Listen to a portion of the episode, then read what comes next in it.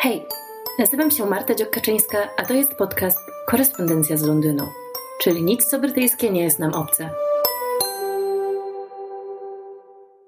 Nagrywam ten odcinek w momencie, kiedy mnóstwo moich znajomych wyjechało z Londynu i mam wrażenie, że jestem w takim e, filmie historycznym, kiedy e, Londyn jest latem opustoszały, bo oto skończył się sezon bali, przyjęć e, i, i szukania mężów dla młodych panien.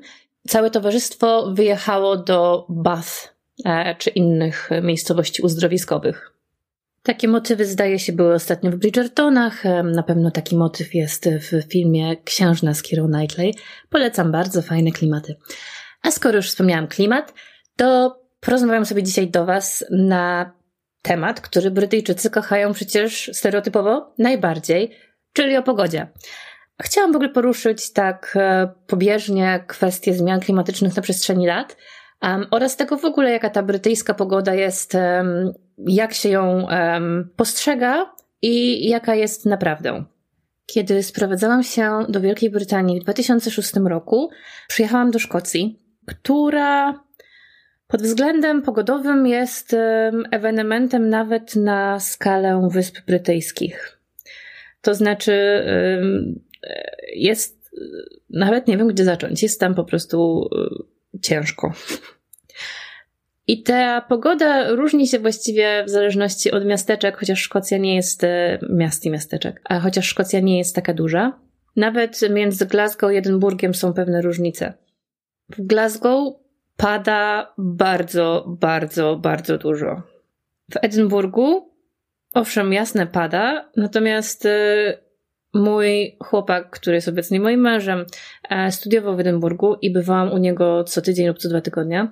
I, I ten deszcz nie był aż tak okropny jak w Glasgow, ani aż tak częsty. Tym, co dobijało mnie w Edynburgu, był wiatr. A już kompletną katastrofą jest wiatr z deszczem, który, no niestety, jest kombo, które zdarza się zarówno w Glasgow, jak i w Edynburgu, co sprawia, że wszystkie parasole są połamane. Widok parasola e, porzuconego na ulicy, czy wrzuconego z wściekłością do śmietnika, to jest absolutnie szkocki um, folklor. To jest codzienny widok na, na szkockich ulicach. I miałam najlepsze parasole, naprawdę, miałam takie pancerne parasole z, ze sklepu y, specjalizującego się w parasole, one i tak się łamały. Um, wytrzymywały co prawda trochę dłużej, ale nie było jakoś specjalnie kolosalnej różnicy. Ale to też nie jest tak, że człowiek nie jest w stanie się przyzwyczaić do takiego życia. To znaczy, wiem, że niektórzy nie są i uciekają w miejsca bardziej słoneczne lub po prostu cieplejsze, ale po pięciu latach w Szkocji ja w ogóle już nie zauważałam tego i nie wydawało mi się, że to jest dziwna pogoda. Niespecjalnie mi przeszkadzała. Um, po prostu człowiek um, przywykł do tego, że zawsze wygląda źle, zawsze jest mokry, zawsze jest spocony, bo ta pogoda zmienia się co chwilę. Nawet ktoś mi kiedyś napisał um, na blogu złośliwy komentarz, dlaczego ja promuję tłuste włosy. A one były po prostu na wielu, wielu zdjęciach mokre. Um, nie miałam za bardzo um, możliwości um, suszenia ich pięć razy dziennie, więc um, wyglądało to, jak wyglądało. Potem przeprowadziłam się do Sarej. To był 2011 rok i wiecie co? Po tygodniu w Sarej, bo pojechałam wynająć z moim chłopakiem mieszkanie, po tygodniu w Sarej wróciłam do Szkocji oddać książki do biblioteki, bo potrzebowałam ich do pisania magisterki. I wiecie, co się stało?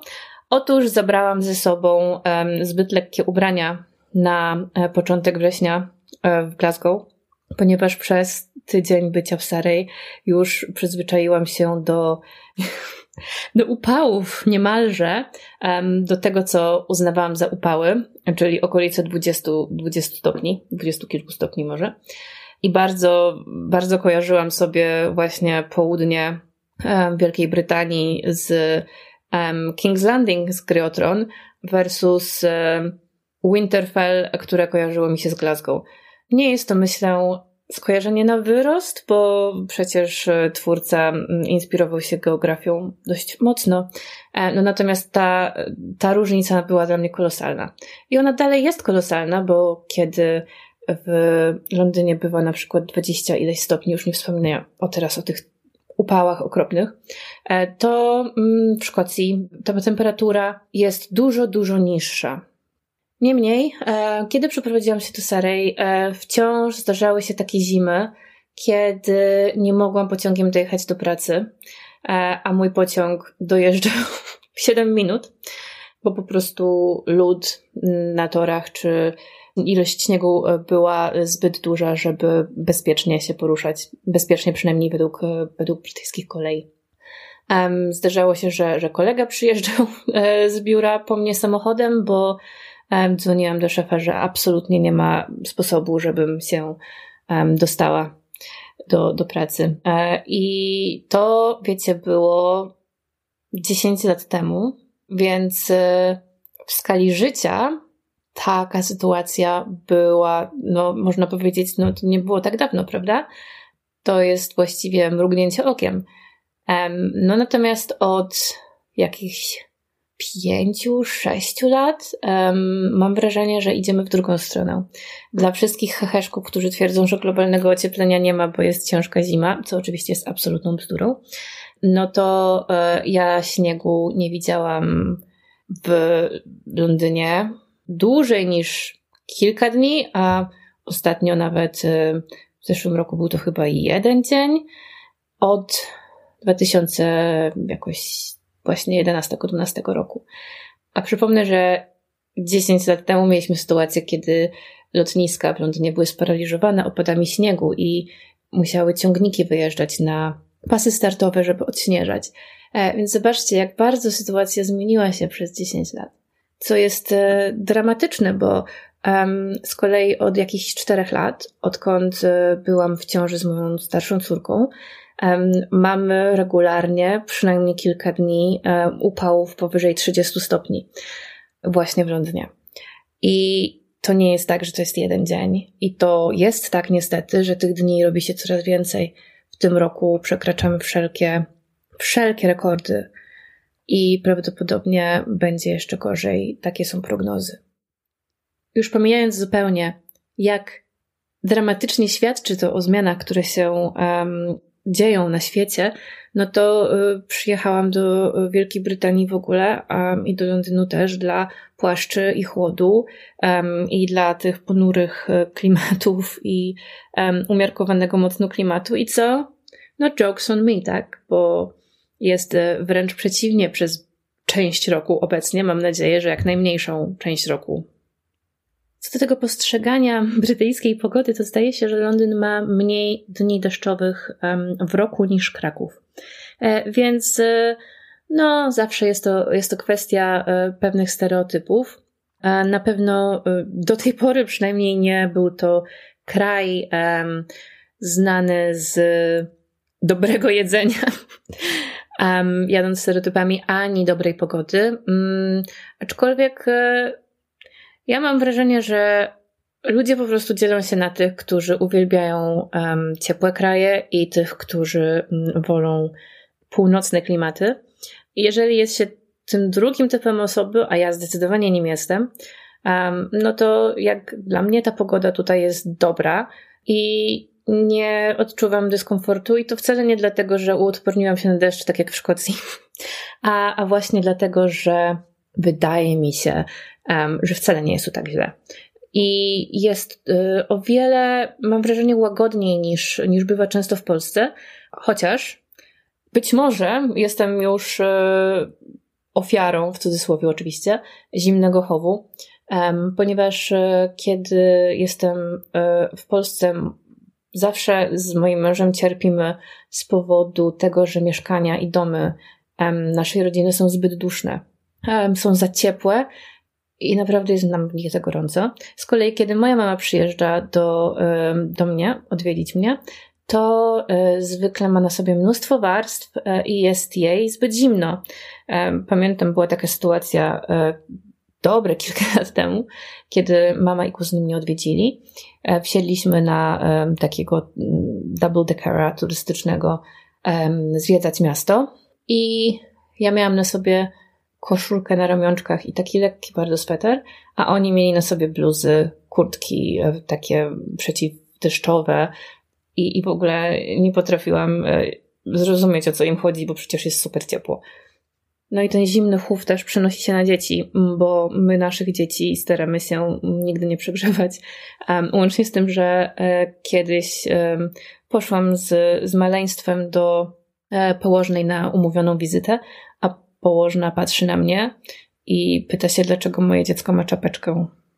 Bo jest za gorąco przecież. Zgrzeje się. Kiedy w Polsce wiemy, że kultowym pytaniem jest, gdzie to dziecko ma czapeczkę. No a dzieci bez skarpetek, bez czapeczek, nawet w listopadzie biegające w piaskownicy na bosaka, to jest e, widok, który nikogo tutaj nie szokuje. A na pewno nie tak, jak zszokowana była moja mama e, podczas e, pierwszej zimy w Glasgow, kiedy byłam na studiach, gdy próbowałyśmy kupić mi płaszcz i wszystkie płaszcze były dużo cieńsze niż w Polsce. Nie było ich tak e, dużo z wełny. Nie miały takiej podszewki porządnej, jak moja mama by się spodziewała, i mama chodziła i psioczyła. E, jak można takie badziewne płaszcze sprzedawać, i, i, i w późniejszym czasie nauczyłam się już, że po prostu mm, nawet w Szkocji te grube polskie płaszcze nie były do końca potrzebne, ponieważ e, ten klimat e, po prostu jest inny. Ale ten odcinek wyszedł niezwykle brytyjski, czyż nie? E, bo rozmawiamy o pogodzie. Czy Brytyjczycy lubią rozmawiać naprawdę o pogodzie? Owszem, ponieważ jest to idealny temat na small talk.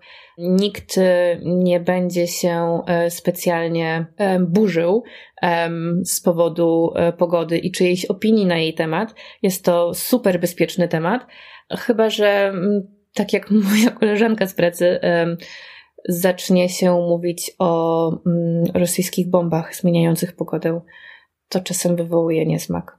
Albo może nie niesmak nawet, ale pewną konsternację. Także może rosyjskich bomb e, unikajmy ze wszystkich sił w rzeczywistości i jako tematu do smoltoku, bo może to nie być zbyt dobrze odebrane, zwłaszcza w obecnym klimacie. Notabene. Dzięki za wysłuchanie i do usłyszenia.